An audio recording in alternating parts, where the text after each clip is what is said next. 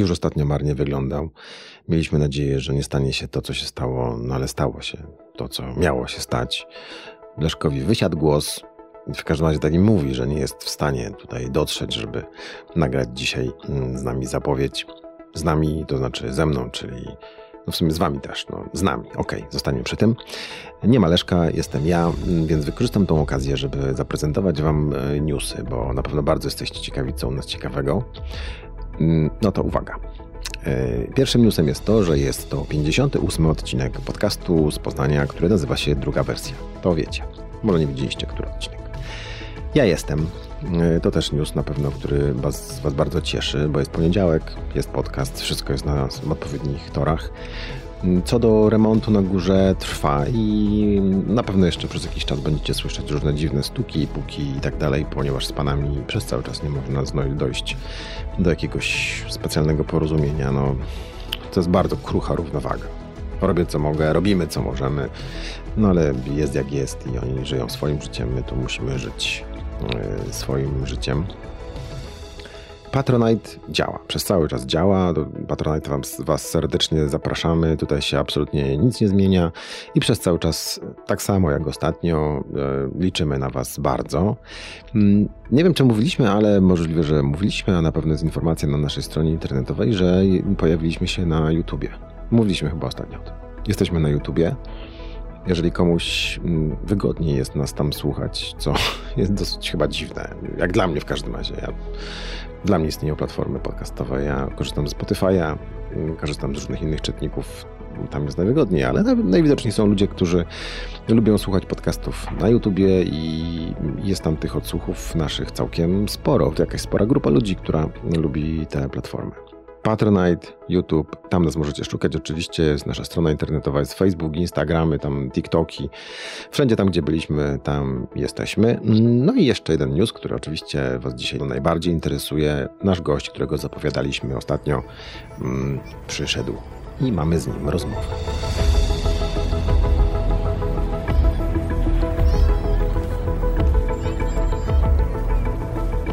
Nagranie i produkcja podcastu szumstudio.pl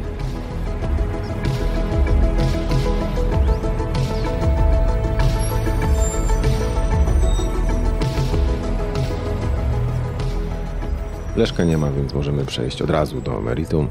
Moim gościem dzisiaj jest y, pan profesor Maciej Głyda, czyli konsultant wojewódzki w dziedzinie transplantologii klinicznej, tak to się ładnie nazywa. Człowiek, który mm, przeszczepia organy, ale przede wszystkim y, nerki. I o tym będziemy dzisiaj rozmawiać, o tym jak, jak wygląda życie transplantologa. A jak usłyszycie, nie jest to życie proste. Mm, o tym, co się najczęściej w Polsce przeszczepia, komu transplantacje ratują życie. No i porozmawiamy trochę o y, chorobach nerek, bo jak usłyszycie za chwilę, nie jest tym kolorowo w naszym kraju. Profesor Maciej Głyda, posłuchajcie. Panie profesorze, jak wygląda dzień transplantologa? Dzień transplantologa zaczyna się od normalnie wydaje się tak zwanej pracy zaplanowanej, ale nigdy nie wiadomo jak się skończy. Transplantolog żyje mm, cały czas i właściwie 365 dni y, w roku y, pod telefonem, bo mm, pobrania narządów najczęściej odbywają się w godzinach nocnych. Natomiast nigdy nie wiadomo kiedy będą.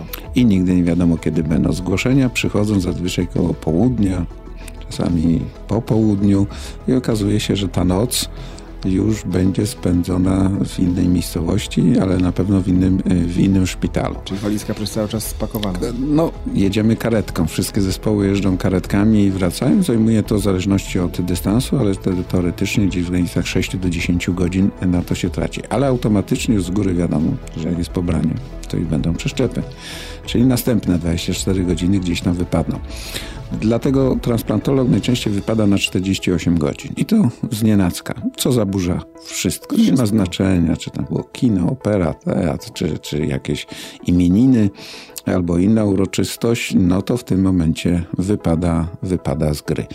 I to jest chyba najtrudniejsze, jeśli chodzi w życiu transplantologa, w ogóle zespołów transplantacyjnych. No bo to jedzie kilka osób, tak? Oczywiście, trzeba pamiętać y, co najmniej dwóch zabiegowców, jedzie instrumentariuszka, I fajnie jest, jak zespoły są na tyle liczne, że można to rozdzielić. Jedni pobierają, drudzy przeszczepiają, ale jeżeli zespoły, a transplantologów jest coraz mniej, yy, są bardzo okrojone, no to ci sami, co przeszczepią, to i potem, yy, co Pobiorą, pobiorą, potem później przeszczepią. No dobrze, czyli w praktyce e, jak to wygląda? Pobranie oddawcy zmarłego. W Poznaniu pan dostaje informację, że narząd jest Na przykład w Zielonej Górze. w Zielonej Górze. Tak jest, że dawca jest w Zielonej Górze. Że dawca jest w Zielonej Tak Górze. jest. Potem szereg badań. Rozumiem, że do biorcy e, wtedy w Poznaniu, tak? Czy z Wielkopolski? O właśnie. O, jeszcze to bardziej skomplikowane. Wyjaśnimy. No dobra. Już okej. wyjaśnimy. No to zacznijmy o biorcach. Biorcach to jest tak, że e, biorcy przeszczepu wątroby i serca s, są zarejestrowani na listach oczekujących w danych ośrodkach. Czyli w Poznaniu przeszczepia się serca, czyli ten ośrodek posiada własną listę potencjalnych biorców. W Szczecinie potencjalnych biorców. Natomiast nerki jest odwrotnie. To są osoby z okolicy? Najczęściej, Najczęściej to są okolicy. najczęściej regionalne, choć pacjent ma prawo wyboru i również ze Śląska może być prowadzony przez No, ale ośrodek zakładamy- poznański. Najczęściej z okolic. Człowieka z Wielkopolski w Poznaniu. Tak jest. Natomiast y, jeśli chodzi o biorcę nerki, jest odwrotnie. Jest centralna lista oczekujących y, w Warszawie i tam zgłoszeni są również biorcy z Wielkopolski, z całej Polski, czyli my również z Wielkopolski. Jako, że prowadzę również w szpitalu regionalny ośrodek kwalifikacyjny, to tych biorców z Wielkopolski poprzez nas ośrodek wpisujemy na listę oczekującą, która jest centralna. Co to daje? To daje to, że na przykład w Przemyślu będą nerki i zostanie wytypowanych z Polski kilkunastu najlepszych biorców. Jeden, dwa, trzy, cztery i kilkunastu i ich się po kolei y, wzywa, czy w tym momencie są w dobrej formie. Czyli oni też żyją na walizkach. No ci y, biorcy, tak zwani aktywni, muszą mieć mały kuferek spakowany, no i telefon przy sobie, bo może być na przykład rolnik jeździ traktorem, o 22 na polu dostaje, proszę pana, nerka oczekuje na przykład w Szczecinie. Proszę zjeżdżać do stacji dializ, żeby lekarz obejrzał i będzie pan transportowany dalej. Czyli to jest jedna różnica. Druga y, różnica podstawowa, że jeśli chodzi o nerkę, to jak państwo zauważyłem, że ośrodek, który pobrał narządy i wybrał z tej listy, bierze tych biorców na siebie, czyli oni przyjeżdżają do narządu. Odwrotnie jest, jeśli chodzi o Do wątro- dawcy. do no, dawcy nie niespójnie. Dawca był w Zielonej Górze, pojechał zespół poznański, yy, pobrał nerki, no i już te nerki są w Poznaniu. Okay? czyli, czyli w ośrodku ośrodku. pobierającym, powiedzmy sobie. Tak? Skomplikowana historia. Tak, w ośrodku pobierającym.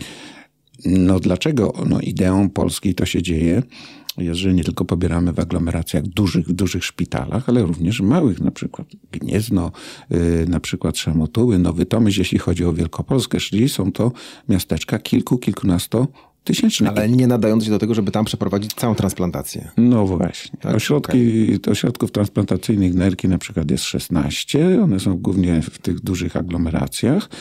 I zespoły wyjeżdżają do małych szpitali, ale zasada jest taka, że donacje powinny się odbywać tam, gdzie akurat stwierdzono śmierć mózgu, czyli tych, również w tych małych miejscowościach. Ale wróćmy jeszcze do, do tego, że czyli biorca jest transportowany do nerki. Odwrotnie jest, kiedy ośrodek posiadający listę swoją własną biorców y, wątroby bądź serca jedzie, czyli inaczej kwalifikuje. Dostał sygnał, że dawca jest znowu, wróćmy, w Zielonej Górze. Zakwalifikowane są, sygnał poszedł do poltransplantu, że można, zakwalifikowane są do pobrania serce, wątroba, czustka, nerki i tak. Jest niejako kolejka dostępu tych ośrodków przeszczepiających, w tym wypadku serce i oni patrzą, będzie to serce pasowało dla naszego biorcy? Nie, nie mamy. Informacja wraca do poltransplantu. Kolejny ośrodek, który oczekiwał, niech to będzie Zabrze. Sprawdza, tak, dla naszego biorcy by pasował. Czyli już wiadomo, że Zabrze wyśle do tej Zielonej Góry swój zespół i to serce przywiezie do tego, Czyli do jednego, siebie. do jednego dawcy może przyjechać kilka zespołów z Dokładnie. całej Polski. Zasada jest taka, że kwalifikujemy i ideą jest o to, aby pobrania były wielonarządowe, czyli został pobrany więcej niż jeden narząd, tak zwany narząd pozanerkowy, bo dawca staje się dawcą rzeczywistym, jeżeli został pobrany jeden narząd i najczęściej to są nerki, ale ważne, żeby był- było pobranie wielonarządowe, czyli na przykład badania przeprowadzamy i widzimy, że kwalifikują się płuca, kwalifikuje się serce, kwalifikuje czustka, wątroba. Albo te narządy były chore, choroby już, że tak powiem, współistniejące i dyskwalifikujemy te narządy, ale to nie znaczy, że nerek na przykład nie można pobrać i wątroby. Dyskwalifikujemy czustkę, płuca, yy, czustkę i płuca, czyli przyjeżdżają tylko te zespoły, które pobiorą narząd wybrany dla siebie i będą pobierać jednoczasowo. Czyli to mm, przyjeżdża się po narząd pod konkretnego pacjenta. Yy, serce, wątroba tak. Natomiast nerki przyjeżdżają w ciemno. Pobierają narząd, pobierają dopiero materiał genetyczny i na skut, po przeprowadzeniu typowania tkankowego yy, wyskakuje niejako, czy pojawia się ta lista z tej ogólnopolskiej listy oczekujących najlepiej dobranych pacjentów. Zawsze się znajduje e, kandydat? Tak, tak. To, to jest kwestia prawdopodobieństwa, tak? Czy to nie musi być 100%, może być 90%, może być oczywiście, 80%? Oczywiście, najlepiej. Szuka się na, na, najlepszego. najlepiej dobranych, bo tego z listy wybierzemy i się znajdzie. Są też pacjenci tak zwani priorytetowi, czyli ci, którzy już na skutek przetoczeń krwi albo już drugi, trzeci przeszczep są wysoko immunizowani i oni wtedy wystarczy minimalne, oczywiście tylko tak zwana krzyżówka, to że nie było testu negatywnego i oni są priorytetem do tych y, narządów niejako przeznaczeni, choć prowadzenie ich i, i no, że tak powiem, przyjęcie, funkcjonowanie tego przeszczepu no, stoi pod znakiem zapytania, no i trzeba trochę o to powalczyć. A komu przeszczep nerki jest potrzebny? Kwalifikujemy chorych głównie dializowanych i kilkanaście albo kilkadziesiąt nawet procent chorych dializowanych ze względu na choroby współistniejące w ogóle się do tej kwalifikacji nie nadaje. Ale wybieramy tych pacjentów, którzy mogą być i którzy rokują to, że jeżeli od, otrzymają przeszczep, będą bardzo dobrze funkcjonowali. Uwolnimy ich od dializ, czyli pula pacjentów dializowanych. Drugą pulą Dializowanych to, przepraszam, wyjaśnię, to są ci, których nerki już nie działają. Którzy gdzie... żyją dzięki dializom. Dokładnie. I czy to jest hemodializa trzy razy w tygodniu, czy dializa oczewnowa, ale któraś z form dializacyjnych. Całkowicie uzależnieni od dializy, bo jeżeli tego nie przeprowadzimy, wysoki mocznik, kreatynina, intoksykacja i po prostu umrą. Więc to jest jedyne, co trzyma ich przy życiu. Drugą pulą stanowią już ci pacjenci, którzy już są w poradniach nefrologicznych zdiagnozowani, że ta kreatynina już niestety podnosi poziom i że już ta y, funkcja nerek ustaje.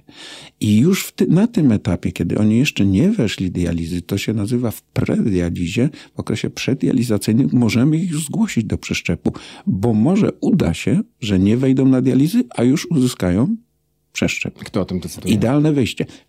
Tak jak wszyscy. Pacjent? Pacjent, lekarz. lekarz, że wpisuje, przeprowadzi badanie, zgłasza do Regionalnego Ośrodka Kwalifikacyjnego. Warunkiem jest dostanie się i wpisanie na listę oczekujących. No i wtedy mają, na liście oczekujących wszyscy mają równe szanse. Hmm? Tylko potem już ten dobór się zaczyna, punktowanie. Ale liczy się czas zgłoszenia. Od momentu zgłoszenia. Pacjent musi być aktywny. To, że na przykład jest na liście oczekujących dwa lata, pięć lat, dostaje za to dodatkowe punkty. Czyli ma troszeczkę większe szanse niż ten, który został zgłoszony miesiąc, dwa, trzy miesiące temu. To ma znaczenie. Więc dlatego ci chorzy w predializie już za to punktów nie dostają. Mało tego, oni nawet jeszcze nie są dializowani, też nie. Ale jak mają szczęście, dobry dobór genetyczny, to ten przeszczep otrzymają. To jest druga pula chorych. No i jest jeszcze trzecia. No trzecia tych, którzy utracili przeszczep. Czyli mamy przeszczepionych i rekordzistów po 25-30 lat działające nerki, ale średnio nerka działa 7-8 lat w Polsce, czyli niektórzy tracą po roku, niektórzy po 30 latach, czyli do kolejnego przeszczepu. Tracą, czyli po prostu nerka przestaje działać. Tak, przestaje działać i ci chorzy wracają na dializy i znowuż możemy ich ponownie cały proces kwalifikacji, przejścia i ponownego wpisania na listę oczekujących i oni znowu wracają do wspólnej gry o narząd i wtedy mm, to jest ta grupa, czyli do kolejnego przeszczepu, drugiego bądź trzeciego. Czyli trzy pule mamy chorych. Pierwszy raz do przeszczepu kwalifikowani. Chorzy mm, w predializie jeszcze nie weszli na dializę i już ich kwalifikujemy do przeszczepu, bo to nastąpi, może wygramy z czasem. No i trzecia pula to są ci, którzy już potrzebują kolejnego narządu. To zapytam o tych, e, którzy mają kolejny przeszczep. Tak. E, Kolejny. Jak to wygląda w ich przypadku? Proszę zobaczyć, że mamy kilku pacjentów, którzy są w Polsce, którzy e, są po retransplantacji serca, czyli właściwie mają trzecie serce swoje chore. Dostali pierwszy przeszczep, no i teraz już dostali drugi przeszczep, czyli trzecie serce. Takich kilku pacjentów mamy. Mamy pacjentów, tych, jest jeszcze więcej, po retransplantacji wątroby, czyli swoja chora pierwszy przeszczep wątroby, no i drugi oczywiście, bądź trzeci nawet. A nerka to nawet i do czwartego przeszczepu kwalifikuje. Zawsze takich na liście jest dwóch, trzech w Polsce rocznie, którzy czekają nawet na trzeci i czwarty przeszczep. Czyli kilkanaście lat z przeszczepem, kilkadziesiąt nawet lat mogą żyć tak, z różnymi przeszczepami. Tak, no ja młodzieży tłumaczę w, na, na naszych spotkaniach, że przykra sprawa czy nie, ale jeżeli młody człowiek mając lat kilkanaście albo nawet około dwudziestu w obecnej sytuacji musi się spodziewać, żeby dożyć do sześćdziesiątki, że będzie potrzebował kilku przeszczepów nerek. Chyba, że się zmieni sytuacja. Ale na obecnej sytuacji musi się z tym liczyć. I co się dzieje z tymi nerkami y, starymi, przestającymi działać? Tak, one przestają działać i one stają się albo marskie, albo nieme, przestają produkować mocz i tak. A wyjmuje się? Właśnie. I teraz jest. Yy, yy, kilka teorii na ten temat. Uważa się, że jeżeli to był pierwszy przeszczep i właściwie nie stanowi dla pacjenta żadnego zagrożenia ani komplikacji, to go pozostawiamy.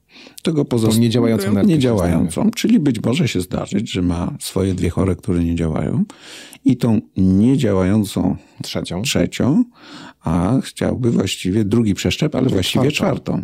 Hmm? Natomiast jeżeli już ma dwa przeszczepy, to zazwyczaj jeden się usuwa, żeby przygotować miejsce dla tego kolejnego, czyli już trzeciego przeszczepu, no bo tu już troszeczkę miejsca w ciele ludzkim nam brakuje.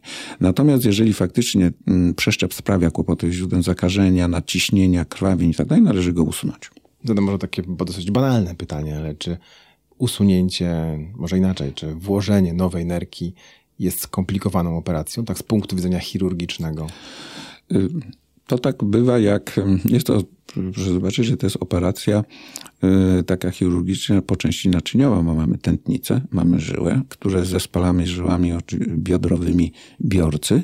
Mamy też pęcherz i moczowód, bo moczowód z tej nerki przeszczepionej wszczepiamy do, do, e, do pęcherza zupełnie w innym miejscu niż miał własne moczowody, czyli właściwie ma już potem trzy ujścia, dwóch własnych moczowodów i tej nerki przeszczepione trzecie. Więc to jest o tyle. Proszę Państwa, mhm.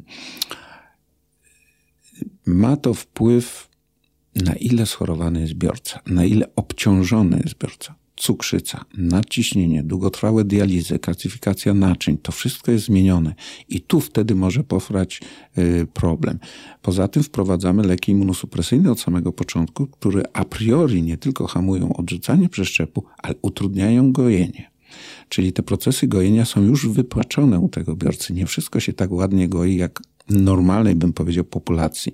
I to powoduje to, że to być może technicznie nieraz i łatwe operacje, ale jako całościowo są skomplikowane. Jako, jako proces leczenia jest skomplikowany. Tak, to wszystko jest skomplikowane. A jak wygląda życie takiego człowieka po przeszczepie nerki? Najlepiej zawsze jest wypytać pacjentów. W każdym razie. Ale ja, pan się z nimi styka. Tak jest, oczywiście.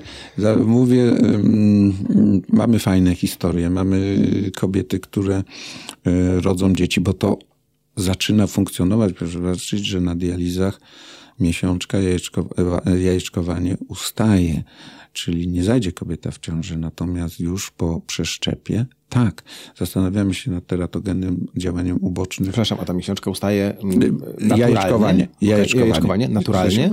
Naturalnie ustaje z, no, przez długotrwałą mm, dializę. I mm, może zajść w ciążę, no bo to wszystko, że tak powiem, powróci, to normy. zapłodnienia jest tak, oczywiście, nie zajdzie w ciążę.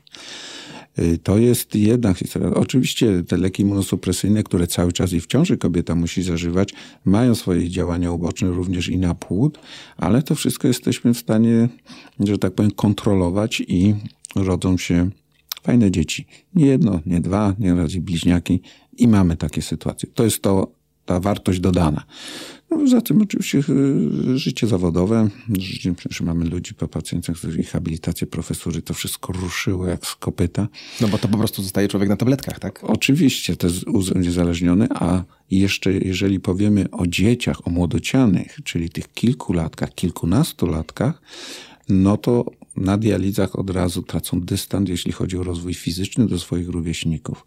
A tu w szybkim przeszczepie, dlatego ja jestem ogromnym zwolennikiem, szczególnie dla dzieci, dawstwa rodzinnego od rodziców, czyli przeszczepu od dawcy spokrewnionego od ojca, od matki, bo to dziecko, jeżeli dostanie tą nerkę, natychmiast nadgania e, wzrost, rozwój fizyczny i też intelektualny i rozwój, to wszystko, że nie traci tego dystansu do, mm, do swoich rówieśników.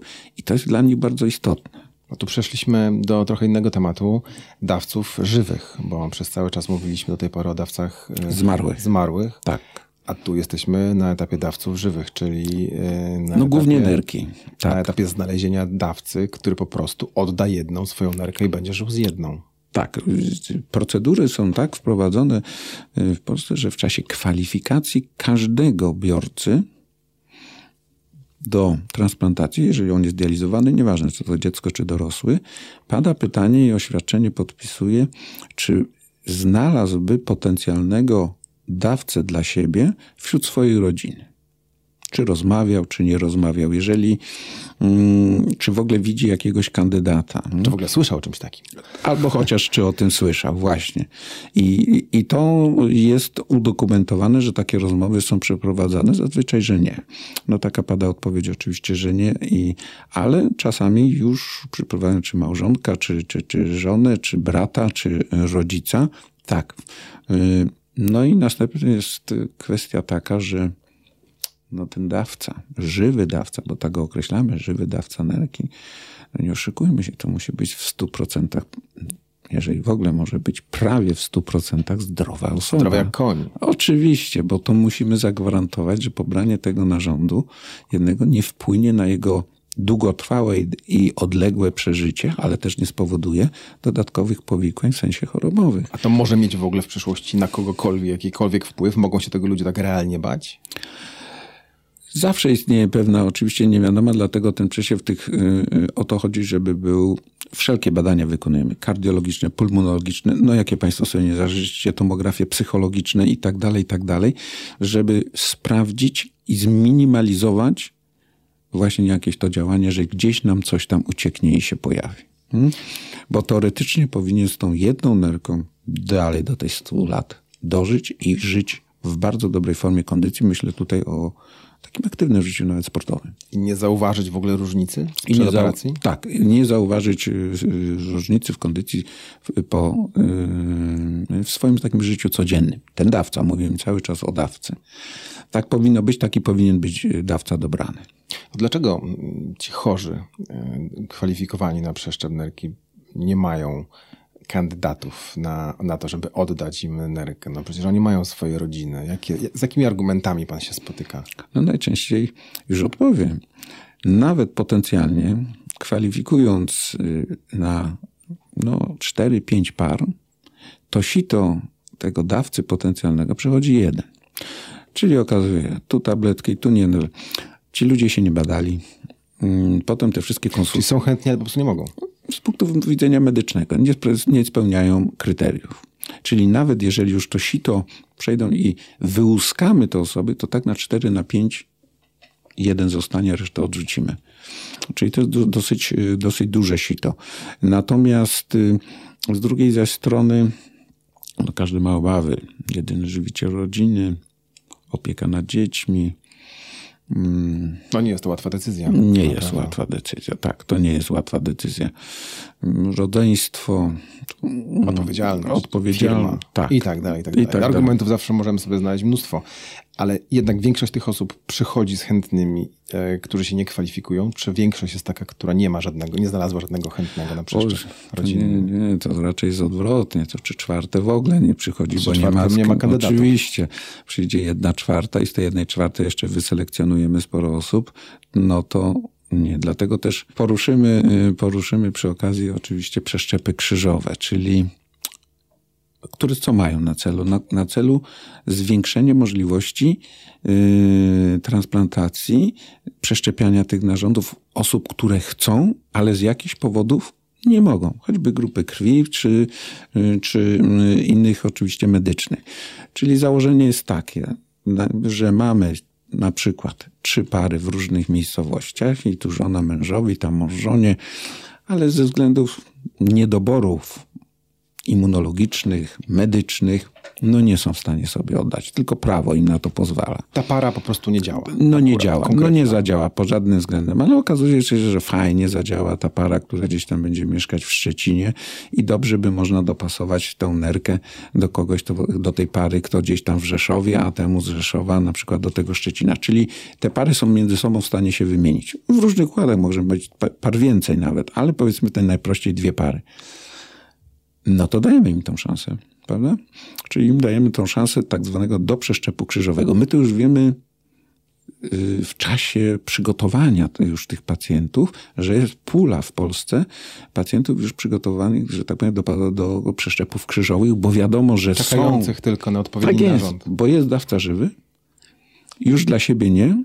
No więc szukamy, czy gdzieś tam znajduje się też następna para, która ta sytuacja zaistnieje i może będzie można ich skoligacić, o, że tak powiem. To się często zdarza?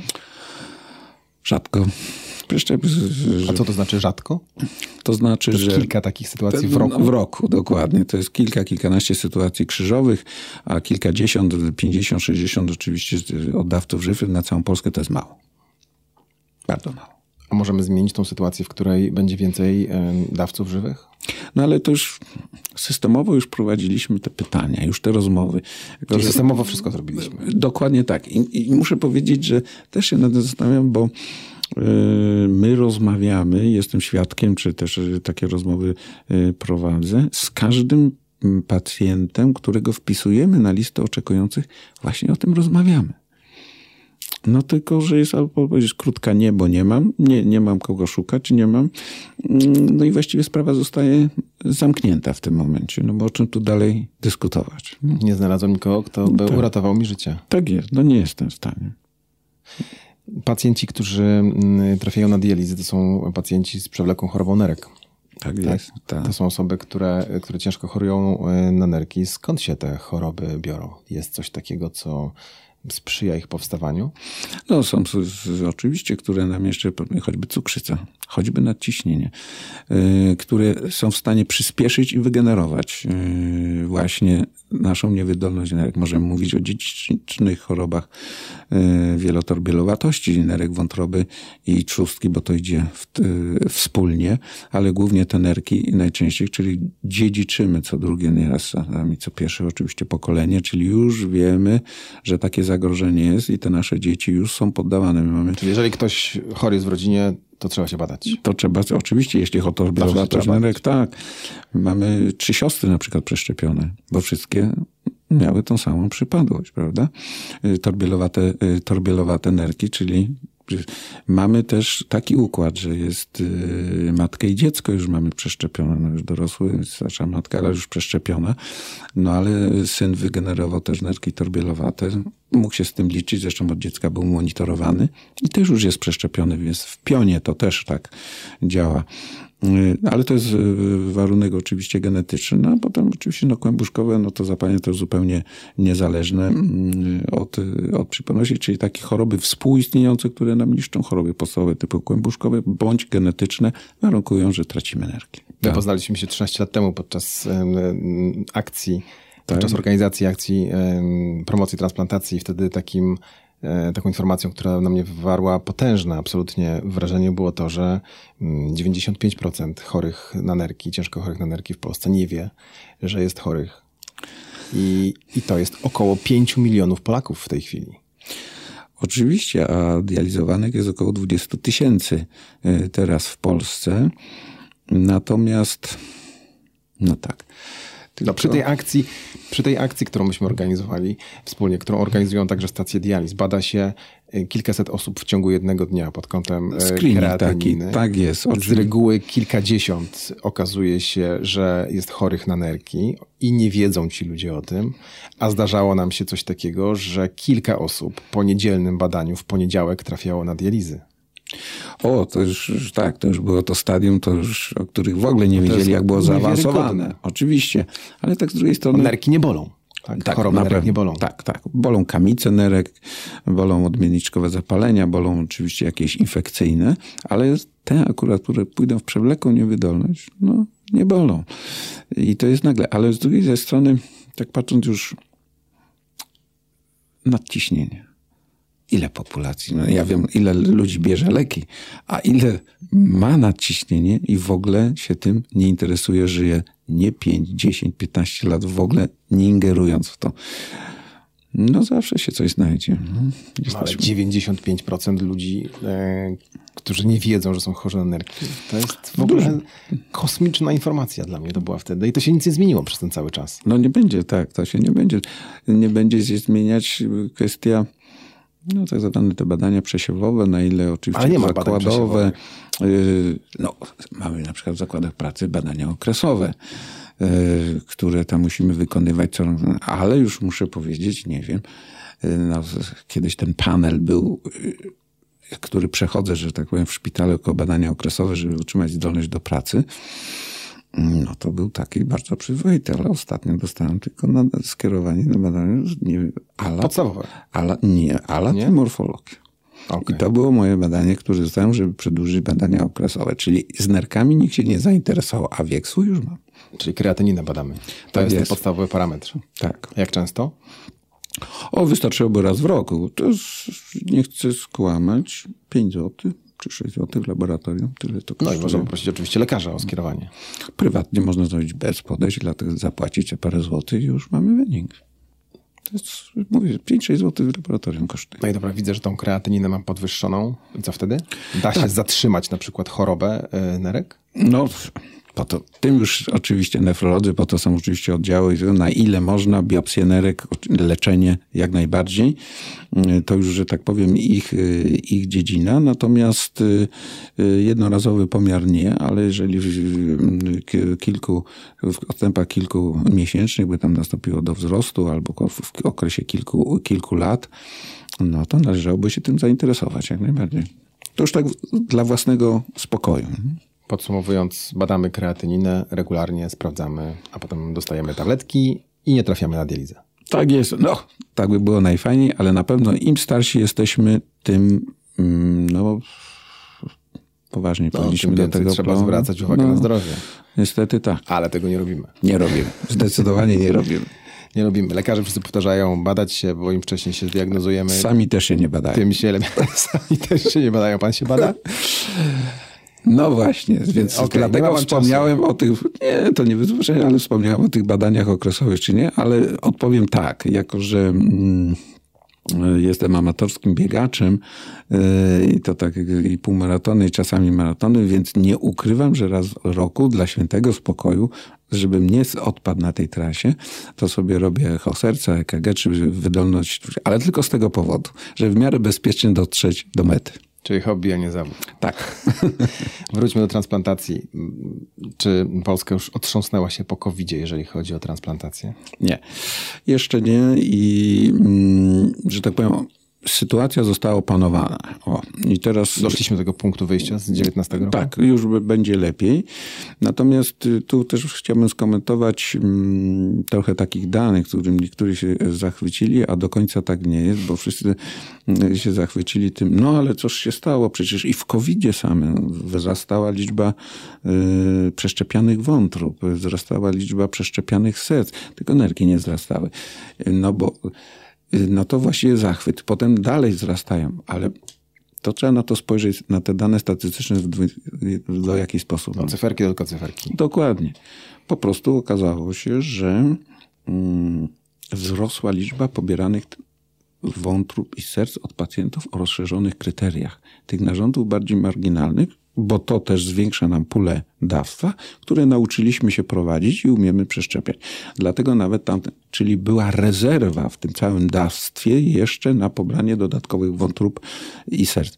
Natomiast w nerkach już nie było rezerwy. Nerki były pobierane zawsze, kiedy było można, dlatego tu widać tę rzeczywistą utratę, utratę mm, przeszczepionych narządów, które spowodował COVID. I też trzeba zwrócić uwagę, prosta rzecz, na liczbę dawców rzeczywistych, która spadła. Bo to jest, nie mamy dawcy, no to nie mamy narządów. I liczba po covid spadła. Odbicie jest w rzędu 10-15% na razie.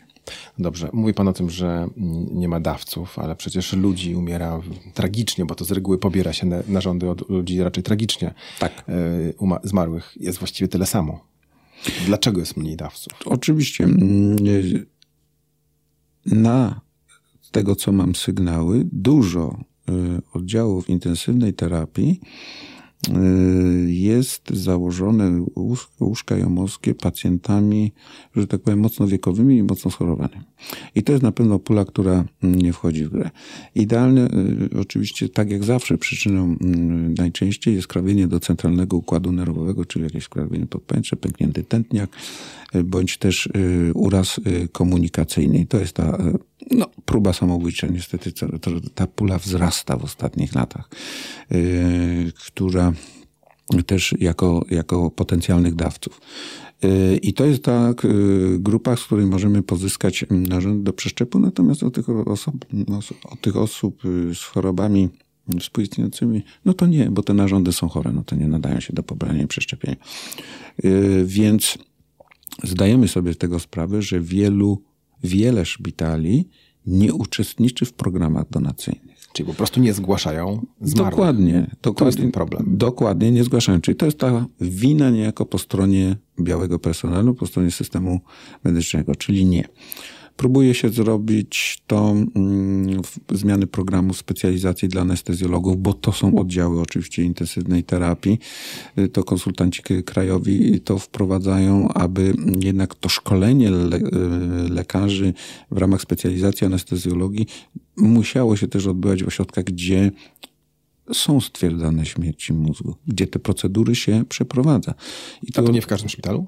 Proszę? Nie w każdym szpitalu. Okazuje się, że nie w każdym, bo niektórzy w życiu nie widzieli i nie wiedziano, jak to zrobić w ogóle. Y, więc niestety to jest, y, y, tak się dzieje, albo tego w ogóle nie robią. To czego potrzeba, żeby stwierdzić, czy pacjent tak. nadaje się do transplantacji? Czy, żeby stwierdzić, trzeba stwierdzić śmierć mózgu. Natomiast sprawy, niektóre szpitale, szczególnie te drobniejsze, nie mają możliwości technicznych już teraz. Dobrze, jeszcze raz. Śmierć mózgu, mózgu. jest czym innym od śmierci? Tak, to jest forma śmierci. To jest forma śmierci. Finał jest jeden, że ten człowiek zmarł.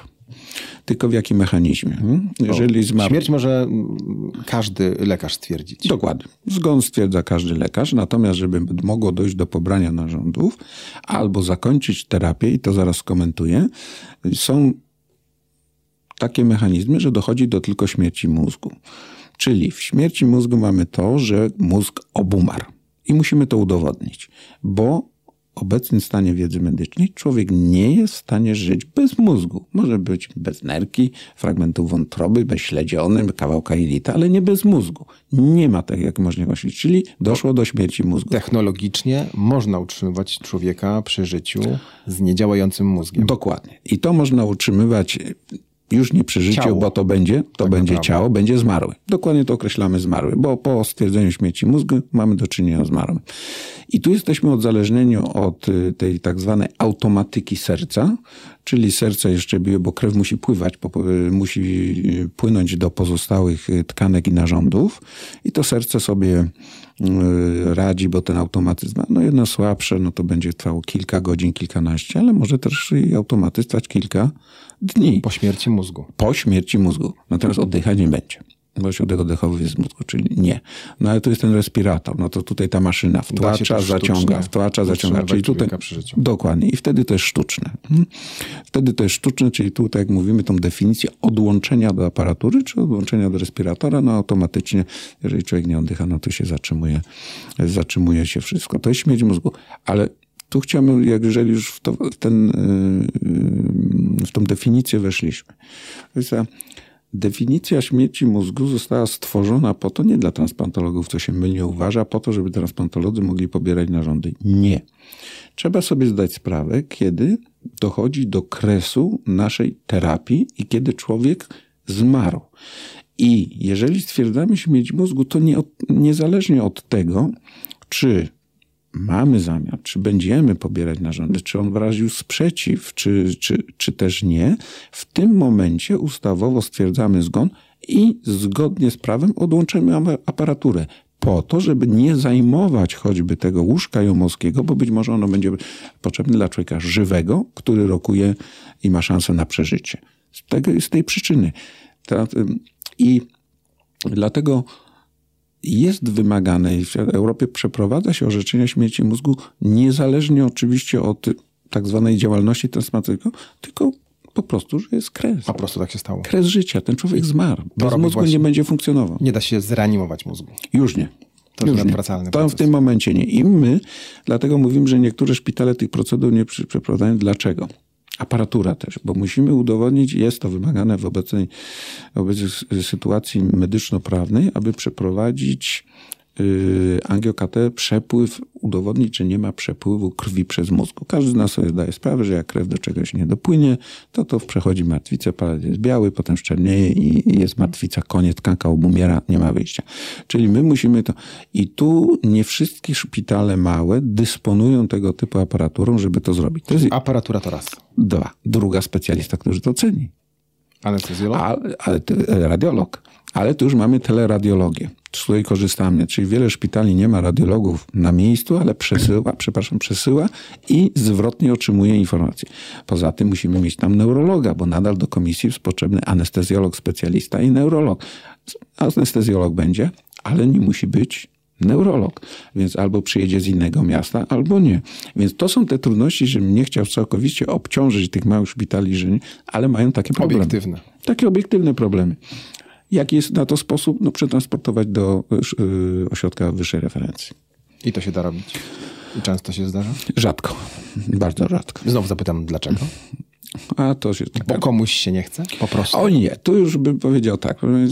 Raz, że mm, no, zasada jest taka, że jednak w tym momencie, jeżeli nie mamy wykonanych badań, to nie mamy orzeczonej śmierci mózgu. Czyli cały czas to jest pacjent, to jest człowiek żywy. W tym momencie istnieje obowiązek, dopiero wysuwamy podejrzenia, ale podejrzeń sobie można wysuwać wiele. Dopóki się tego nie udowodni, to mamy cały czas żywym pacjentem i na nas y, istnieje obowiązek ratowania jego Czyli trans życia. A transport może być zagrożony. Właśnie, dokładowe obciążenia i tak dalej, i tak dalej. Czyli tu nie możemy zaszkodzić. Nie? I tu są właśnie wątpliwości. Jeżeli ten transport byłby w miarę bezpieczny, coś możemy zaryzykować, ale potem się może okazać, że przeprowadziliśmy badania i nie, ten człowiek dalej żyje. Czyli musimy go dalej ratować, bo tak jest nasz obowiązek. Da się to jakoś naprawić? Ułożyć? Pytam o systemowe, zadałem systemowe już pytanie. Proszę powiedzieć, już odpowiadam. Teraz w obecnej sytuacji się dzieje, że szpitale, te 50 szpitali, które najbardziej aktywne były w Polsce donacyjnie z ostatnich dwóch lat, przechodzi przez ministerstwo szeroko zakrojoną tak zwaną e, akredytację. Czyli te szpitale, w Wielkopolsce jest pięć, czy sześć, musi przejść akredytację, czyli ustalenie wszelkich procedur donacyjnych, to jest punktowane zasady funkcjonowania personel, tak jak ta akredytacja, przepisy, yy, opisane wszystkie procedury yy, i tak dalej, żeby to usystematyzować i żeby to niejako weszło w taki, nie że komuś się coś chce, komuś się nie chce, tylko ma to wejść w normalny rytm i obieg w tych... Zwykła procedura medyczna, Dokładnie. która Jeden, musi zostać wykonana w pewnym momencie terapii. Dokładnie tak jest. Jeden ma procedurę... Teraz, przepraszam, to jest uznaniowe. Teraz właśnie za bardzo, że tak powiem, uznaniowe komuś, komuś uważał, czy nie, więc wprowadza tą procedurę, czy nie. Teraz będzie musiał wprowadzić, tylko chodzi nakazowo, bo procedura się niczym nie zmieniła. Nadal jest tak samo przestrzegana, jest y, unifikowana europejska, tak jak mamy wszyscy i wszyscy ją wykonujemy, więc tu nie ma żadnych możliwości, że ktoś czegoś nie dopełnił, nie zrobił, czy nie. Ale teraz kiedy z nią wejść? Więc tutaj właśnie to już mają te rzeczy. Rozwiąże te dylematy i zadawanie pytań. Naprawić, tak. To dużo zmieni?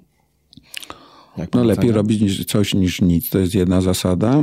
Zawsze yy, pewna akredytacja wyznacza pewne standardy, co też pewne rzeczy ułatwia. No i yy, faktycznie myślę, że tych, którzy nie za bardzo im się chciało, czy nie, czy, no to do czegoś zobliguje. Po prostu będą mieć papier, na którym będzie napisane, no, że trzeba, trzeba zrobić no. to, to i to. A jak się nie zrobiło, to padnie pytanie, dlaczego? No i to jest jedna Bo strona. też, proszę Państwa, to pytanie, dlaczego? To nie jest tak, że ktoś gdzieś tam zaniechał, czy, no, bo musi mieć tą świadomość, że jeżeli... To być może pozbawił kogoś życia, bo te narządy mogły być pobrane, a ktoś ich nie otrzymał. Więc to nie jest takie sobie. Czyli do tego systemu zostaną wprowadzone konsekwencje. Dokładnie prostu. tak jest. I rozliczanie i kontrola. I to jest jedna strona medalu. Drugą stroną medalu są rodziny zmarłych. Dokładnie, czyli mówimy akceptacja społeczna. Transplantologia ma się tak dobrze w każdym państwie, również i w Polsce, na ile jest aprobowana przez społeczeństwo, bo jakby nie było, no jest to dar. Czyli w Polsce jest aprobowana? No i tu są regiony, gdzie bardziej, gdzie mniej. Nie będę mówił gdzie mniej, ale tam, gdzie jest mało przeszczepów, to i była mała donacja. Tam, gdzie jest więcej przeszczepów, to, to ta donacja lepiej funkcjonuje. Ja domyślam się, gdzie ta granica przebiega. Pewnie tak. Podejrzewam, trochę politycznie też ona przebiega. Bo to zależy od światopoglądu. Bardziej niż od czego innego. No to zależy też, tak, to zależy też od światopoglądu. Mm, no i no, takie mamy społeczeństwo. My edukujemy i tam też oczywiście wszędzie się e, społeczeństwo e, edukuje, ale musi być to pozwolenie i to zaangażowanie. No bo inaczej nie jesteśmy w stanie sobie pomóc, a innego wyjścia nie ma. E, tak to wygląda. Natomiast prawo mamy dobre w tym momencie. Bo no to powiedzmy, jakie jest prawo w Polsce. Oświadczenie woli.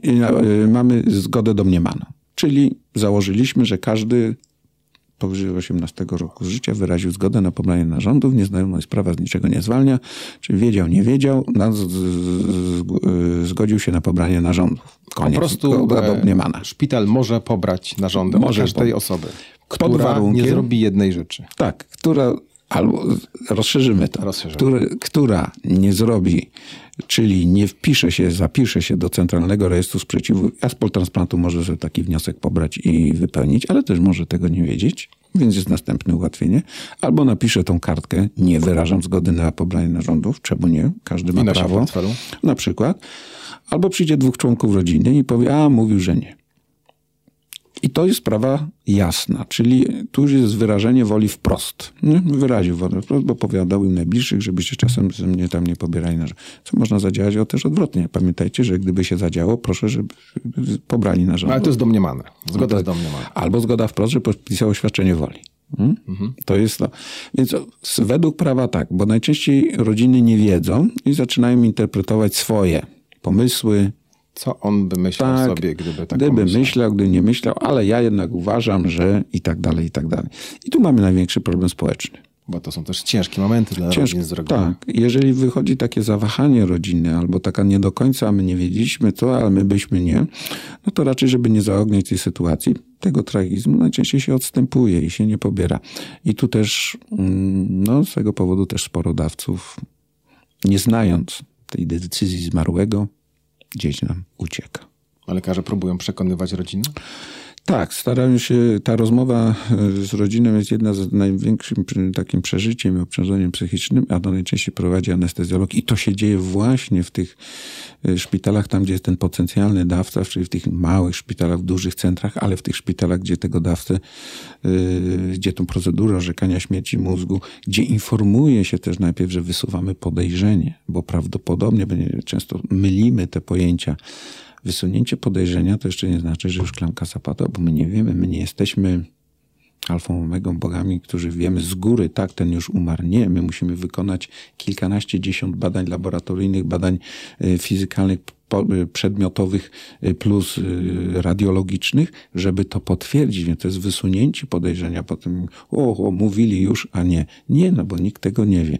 Jeżeli ta procedura zostaje stwierdzona, to wtedy mówi, tak stwierdzono, śmieć mózgu, chcielibyśmy zaproponować pobranie narządu. Jaka była wola zmarłego? To jest to sakramentalne zdanie, które zapytaje lekarz, yy, yy, wyjaśniam, nie zadaje pytania do matki, czy pani by się zgodziła na pobranie od dorosłego syna, czy od męża narządów, tylko pyta, no jaka była wola zmarłego. No i to jest ta konsternacja najczęściej. Bo rodzina z reguły nie wie. No, a skąd ma wiedzieć, kto o tym rozmawia? Więc dlatego te nasze akcje promocyjne, donacyjne żeby chociaż to jakoś wyjaśnić. Nawet sobie Państwo nie zdajecie sprawy, jaka jest ulga. Jak to pytanie pada, yy, jaka była wola zmarłego i ktoś z rodziny się odbywa, czy siostra mi, tak, tak, on ostatnio oglądał film albo przyszedł ze szkoły, czy coś i czy, mówił, że jakby coś się zadziało, to z niego można pobrać narządy. Koniec. Nikt już nie dyskutuje. No potrafię sobie wyobrazić, że taka dyskusja potem w rodzinie, czy chciał, tak. czy nie chciał, może być dodatkowo bolesna jeszcze przy takich tragicznych sytuacjach jak śmierć Dokładnie. nagła człowieka. A to wystarczy tak naprawdę raz w życiu usiąść z rodziną. I pogadać. I pogadać. I powiedzieć, oczywiście. Wyrazić swoją wolę. Albo jeszcze podpisać tą tam magiczną karteczkę, oświadczenie woli. No, zwykła może być kartka. Nie musi być wcale kolorowa, tylko podpisać imię, nazwisko, PESEL, wyrażam zgodę na pobranie narządów, w portfelu ją mieć. I nawet zdarza się, że wyciągamy te dokumenty i pokazujemy rodzinie, o, to my nie wiedzieliśmy, że nawet coś takiego podpisał. Ale to jest bezdyskusyjne już wtedy. Proszę Państwa, nie ma dyskusji wtedy. Nie ma. Wszyscy to akceptują. Dokument podpisany. I akceptują. A często zdarzają wam się sytuacje, że oskarża się was o, o to, że chcecie handlować, sprzedawać narządy i tak dalej? Bezpośrednio nie, ale w społeczeństwie to jest ugruntowana, e, ugruntowana że tak powiem, e, opinia. No bo wiele tak jest i tak się na świecie dzieje oczywiście zasadach. Ludzie filmy oglądają. Filmy, ale też i realnie y, w krajach y, odpłatne przeszczepy są, y, są realne, są możliwe. Ale to poza Unią Europejską. No oczywiście, tak. tak. To zdecydowanie poza Unią Europejską. W Stanach też takiej, takiej opcji, opcji nie ma. Natomiast w Indiach czy, czy, czy, czy w Pakistanie. No to, to jest, że tak powiem, standard. No. Porwania dla narządów w Polsce to no, są miejskie legendy. Albo umowa. A nie, w Polsce tak, porwania dla narządów. Zawsze się zastanawiam, nie wiem, tak też tak było obiegowo, że jak już komuś pobrali narządy, to ta policja go znalazła w wannie z lodem. E, tak za bardzo nie wiedziałem, po co ten lód, bo właściwie w lodzie to się przechylił pobrany narząd, a już nie tego potencjalnego dawcę, bo to już niepotrzebne. No, wracam do tego. Filmy, streamingi, tak, tam tak. jest dużo, dużo ciekawych historii. Jak wygląda przyszłość transplantologii? Proszę bardzo, wracamy do ksenotransplantacji. Montgomery dwa lata temu. Hmm, przysz... Definicja ksenotransplantacji. Ksen... No, od zwierzęce. Od zwierzęce. Od zwierzęce. To tak jak kiedyś tam religia próbował kilkadziesiąt lat temu, WHO zabroniło, zablokowało te programy. One wszystkie hmm, wszystkie dopiero zaczynają być odblokowywane. Powód jeden – Wszyscy na świecie mamy jeden problem. Niedostatek narządów do transplantacji, czyli dużo ludzi nam umiera, nie doczeka, serce, wątroba nie doczeka, pacjenci giną. Yy, nie mają szansy na retransplantację, prawda, tej wątroby, co wspomniałem, serca, co za zrobić retransplantację serca, ale trzeba mieć dawcę i to szybko. Nie? Więc ksenotransplantację w pewnym sensie tak, jak już Państwo pewnie słyszeli, też przeszczepione serce, więźniowi. Yy, od świń? Od świń. No bo tak, świna najmniej immunogenna w stosunku do ciała ludzkiego, choć filogenetycznie daleka. Bliżej nam są przecież szympansy pawiane, ale z tą immunologią trochę lepiej od tych świń. Ale to są Jednak, tak, tak? Tak, ale immunologia. Immunologicznie świnie nam bliższe łatwiejsze, że tak powiem, do opanowania. Natomiast są to świnie transgeniczne, czyli one mają tych enzymów, tego engala i tak dalej, już nie będę się w to wdrażał, więc to nie Specjalnie hodowane. Dokładnie. Hodowane w specjalnych hodowlach. W Polsce też mamy dwie hodowle takich y, świń transgenicznych z różnych innych powodów. Natomiast, czyli te narządy tak, tylko przeniesienie chorób odzwierzęcych i wtedy Montgomery'emu w Nowym Jorku jednak się nie powiedział, bo ten, on przeszczepił to mm, pacjentowi w mechanizmie, który zmarł w mechanizmie śmierci mózgowej, czyli tam cały czas respirator działał, ta krew jeszcze krążyła, no ale wygenerował wiele powikłań grzybiczych, e, infekcyjnych i troszeczkę to jeszcze zostało przyhamowane. Kiedy to było? 2021, dwa lata temu. I to była w grudniu, chyba pamiętam. Tak, tak, to świeże. I, ale powoli w tym kierunku świat pójdzie. Więc to są już, yy, trzeba sobie z tego zdawać sprawę tak. Pracujemy nad yy, prawnymi uwarunkowaniami tego procesu? Prawnymi raz, ale więcej się martwię, znaczy się martwię, czy proszę zwrócić uwagę, yy, etyka, religia. Jak no sobie, właśnie z tym właśnie sobie, jak to przełamiemy. O. Bo dojdzie pytanie dla rodziny, czy zgadza się pan, czy tak. może chory zgodził się kiedyś tam w przeszłości na przeszczep Od zwierzęt, tak jest. Tu na razie nie znam opinii, że tak powiem, jesteśmy katolikami.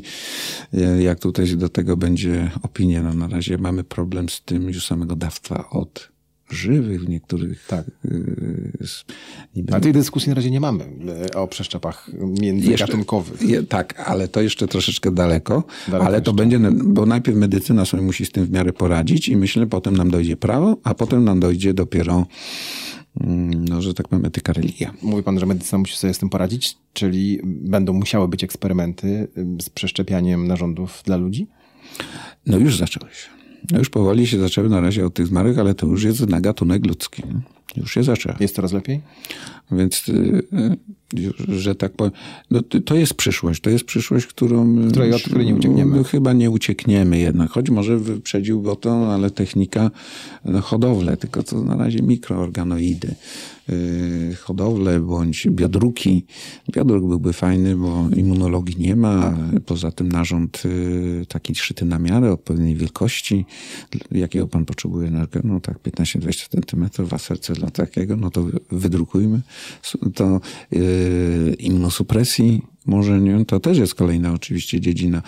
No, klonowanie ludzi to już tam chciałbym zostawić, bo to już jest abstrakcja w tym momencie. No, bo to już jest tam wiele, wiele sprzeciwów. Yy, sztuczne w sensie serce jako maszynę, że tak powiem, przecież pompa religii, no to też duże, ciężkie i, i to też yy, na razie nie, ale jakby nie było, no poszukujemy uniezależnienia się od tego dawstwa żywego i od zmarłych, no bo to musi się zadziać. Może nie w ciągu najbliższych tam 7, 8, ale 10 lat, no musi coś się zdarzyć. Narządów będziemy potrzebowali coraz więcej. Coraz Dokładnie. więcej będzie chorych, którzy jednak nie prowadzą zdrowego trybu życia. I nie tylko. No, pan rację, bo przecież przeszczep wątroby to 80% biorców to alkoholicy. A gdybyśmy mieli te wszystkie możliwości w tej chwili, ten nasz system medyczny, szpitalny, lekarski poradziłby sobie z taką ilością zabiegów? Powiedzmy tak. Y, przelicza się, że mm, jedno łóżko powinno generować jednego dawcę w dużych centrach. Statystycznie oczywiście, yy, a tak się też nie dzieje. No ale gdyby tak byśmy się jakoś zadziało, to lista oczekujących by nam zniknęła, przeszczepy byśmy mieli yy, na wątrobę, na serce, że tak powiem, na bieżąco i te zatrucia, gdyby się pojawiły ich grzybami na jesień, byśmy mogli na to w miarę, w miarę reagować. Natomiast Natomiast czy wydolny jest, że tak powiem, system ośrodków transplantacyjnych. Jest wydolny obecnie, choć tą wydolność by trzeba było zwiększyć. To się nie dzieje z dnia na dzień, bo niestety no ubywa lekarzy tylko nie dzień dzień transplantologów, ale proszę pamiętać, prawie w Polsce jest prawie 500 wolnych miejsc rezydenckich na chirurgię ogólną. Nikt się chirurgią ogólną nie interesuje. Transplantologia to kolejny etap, zabiegowa oczywiście. Spotykam na pobraniach, y, koledzy przyjeżdżają pobrać serce, którzy mówią, no tak się zmniejszyły zespoły, że mówi, ja już jestem w takim wieku zaawansowanym, w życiu nie myślałem, że będę musiał jechać jeszcze na pobranie, ale nie ma przyjechać. Nie ma kto, kto? przyjechać. Czyli jednak jest wąskie gardło. Jest, jest też poza tym bardziej niebezpieczne, że transplantologia stała się mało atrakcyjna finansowo w porównaniu do innych specjalizacji. Yy, mogę tylko powiedzieć, że finansowanie samej nerki nie, zmniejszyło, nie, nie zmieniło się od lat 12, nie wspomnę o inflacjach. Ktoś powie oczywiście, ale w zeszłym roku wycena punktu wzrosła, czyli automatycznie cena z, y, procedury transplantacyjnej też, ale zgoda, ale nie uatrakcyjniła się względem innych specjalizacji.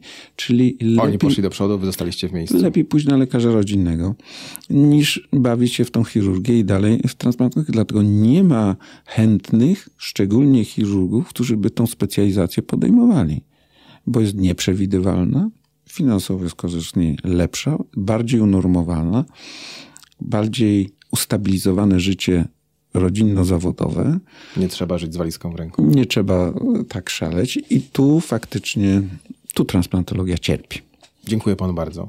No ja również bardzo dziękuję. Trzymam kciuki za wszystkich, którzy są w takim razie na liście, aby jak najszybciej doczekali się telefonu od was. O tak, to jest bardzo, bardzo trafne, że tak powiem, życzenie, żeby ten telefon zadzwonił, jak żeby pacjenci odebrali i jak najszybciej dojechali. Dziękuję bardzo. Dziękuję uprzejmie. Moim gościem był profesor Maciej Głyda, konsultant wojewódzki w dziedzinie transplantologii klinicznej. Dziękuję bardzo. Dzięki.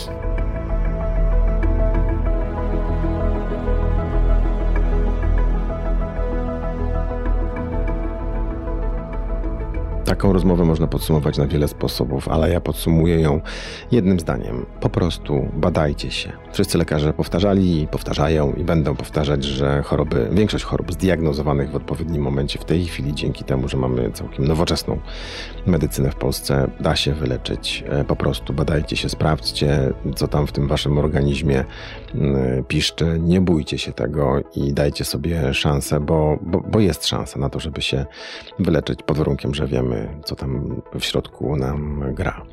To był 58 odcinek podcastu z Poznania, druga wersja. Ja nazywam się Michał Czajka. Bardzo fajnie, że byliście z nami. Wpadajcie, komentujcie, odwiedzajcie nas wszędzie tam, gdzie jesteśmy w sieci. Jesteśmy w dobrych kilku miejscach. Wybierzcie sobie te miejsca, które Wam najbardziej pasują. Do usłyszenia w czwartek. Mam nadzieję, że wtedy już Leszek będzie na nogach. Właściwie nie musi być na nogach. Wystarczy, że będzie mówił. Spotykamy się w czwartek. Jak nie z Leszkiem, to ze mną. Michał Czajka. Do usłyszenia.